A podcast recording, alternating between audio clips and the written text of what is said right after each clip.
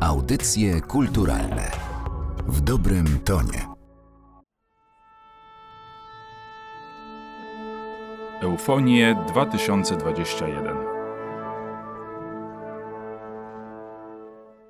Dzień dobry, z tej strony Mariusz Gradowski w subiektywnym przewodniku po programie najbliższej odsłony festiwalu Eufonie, Eufonie 2021. Wiedzą Państwo, od samego początku podoba mi się w tym festiwalu to, że program śmiało łączy to, co klasyczne, czy też powiedzmy wywodzące się z artystycznej tradycji muzyki zachodu, zwanej potocznie właśnie klasyczną, z tym, co popularne, czyli z tym, co wywodzi się z tak zwanej muzyki popularnej.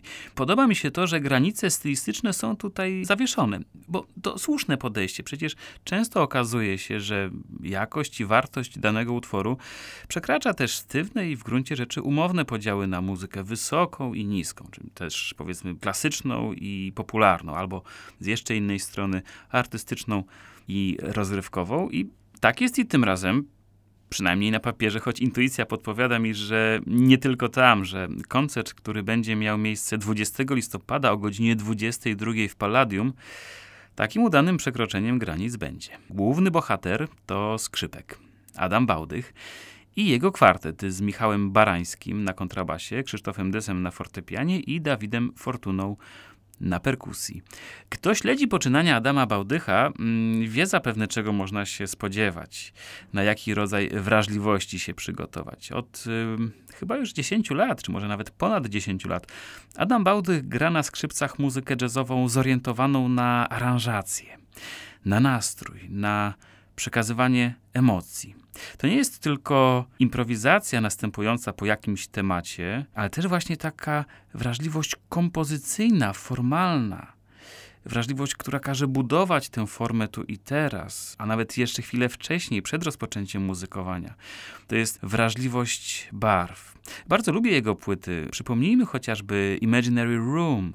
Jest świetna płyta z Jaronem Hermanem, jest świetna płyta Brothers z Helgelien Trio, czy też Anyone with a Heart, gdzie towarzyszyli mu Iro Rantala i Asia Walczyć. Więc kto zna Adama Bałdycha i kto posłuchał chociażby we fragmentach tych płyt i innych płyt, o których nie wspomniałem, ten wie, czego się można spodziewać. Tylko teraz, co Adam Bałdych bierze na warsztat?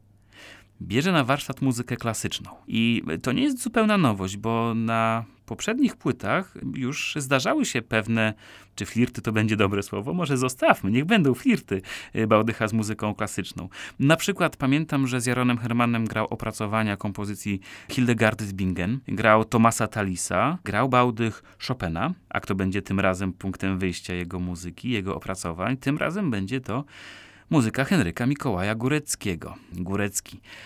To nazwisko chyba wciąż jednak elektryzuje. Tak się zastanawiam i stąd to wahanie, ale może to nie jest już tak intensywne jak na początku lat 90. ubiegłego wieku, kiedy to nagranie trzeciej symfonii z Don tak niespodziewanie podbiło listy przebojów i serca słuchaczy, ale chyba wciąż jednak magia nazwiska Górecki działa. Opadł już kurz mody, tego jesteśmy pewni, ale pozostała ta fascynacja, ten szacunek, ta inspiracja, która wpływa na kolejne generacje muzyków. Bo przypomnijmy, czy to muzyka elektroniczna, jak na przykład zespół Lamp, czy mm, współczesne interpretacje z pogranicza elektroniki i muzyki symfonicznej, klasycznej, artystycznej, jak to nazwać. Przywołajmy tutaj trzecią symfonię śpiewaną przez Bev Gibbons, czy to inne wersje, jak na przykład, no nie wiem, Colin Stetson na przykład, mierzący się też z trzecią symfonią.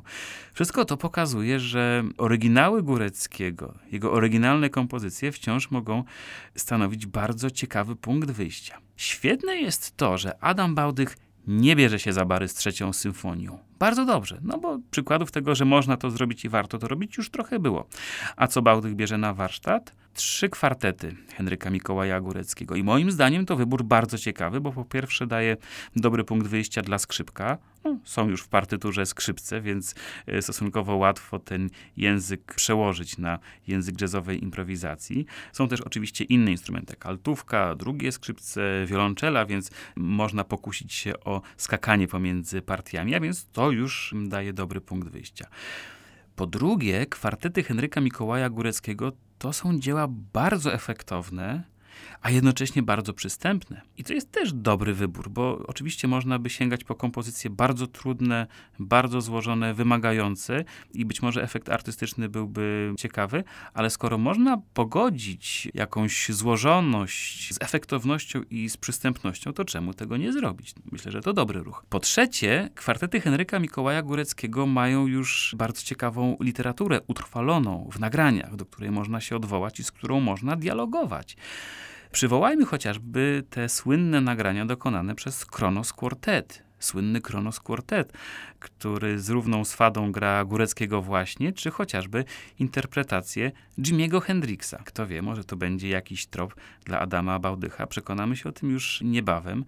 Przekonamy się, co konkretnie z poszczególnych kwartetów zainspiruje Bałdycha. Czy będzie to na przykład temat z pierwszego kwartetu, w którym sam Górecki podejmuje dialog z renesansową pieśnią Wacława Strzamotu Już się zmierzcha. Zresztą tytuł tej pieśni jest także tytułem tego kwartetu modalny charakter tej kompozycji może być dla jazzmana inspirujący. A może, tak przesłuchiwałem te kwartety, żeby sprawdzić, co tam może inspirować i tego było strasznie dużo. Ale może będzie to na przykład ta mocna, dosadna, posiadająca taki właściwie quasi-riff, część Deciso Energico z drugiego kwartetu zatytułowanego Quasi una Fantazja. A może będzie równie świetny temat z czwartej części tego samego kwartetu? A może Largo z trzeciego kwartetu pieśni śpiewają? Kto wie, możliwości tutaj jest bardzo dużo i ciekaw jestem, w którą stronę pójdzie Adam Bałdych. Jednego mogę być chyba pewien. Tak jak powiedziałem, punkt wyjścia jest znakomity, materiał jest piękny i różnorodny, ze współbrzmieniami, które często nie potrzebują dodatkowej zmiany, by być podstawą do improwizacji. I być może tak też będzie. I być może Adam Bałdych będzie chciał je pozostawić bez zmian i nad nimi gdzieś szybować. Zobaczymy. Muszę przyznać, że jestem dosyć spokojny o powodzenie przetworzeń tych kompozycji, bo nie tylko lubię Bałdycha jako wykonawca, ale też po prostu te kwartety są tak moim zdaniem wdzięcznym materiałem, że możemy być zupełnie spokojni i możemy po prostu już się szykować na wspaniałe spotkanie z inteligentnie przetworzoną klasyką, bo to nie jest oczywiste, wiedzą Państwo. To przetwarzanie klasyki to jest trudna sztuka i bardzo łatwo się tutaj poślizgnąć i upaść, ale tutaj naprawdę jestem spokojny. A zatem Adam Bałdych, Górecki, Transformed. Polecam bez cienia wątpliwości. No i cóż, na dzisiaj to już wszystko i spotykamy się za tydzień. Mam jeszcze tydzień, żeby coś dla Państwa wybrać. Szczerze mówiąc, tych ciekawych koncertów jest tyle, że sam jeszcze nie wiem, ale przez tydzień się dowiem. No to zobaczymy. Na razie wszystkiego dobrego. Eufonie 2021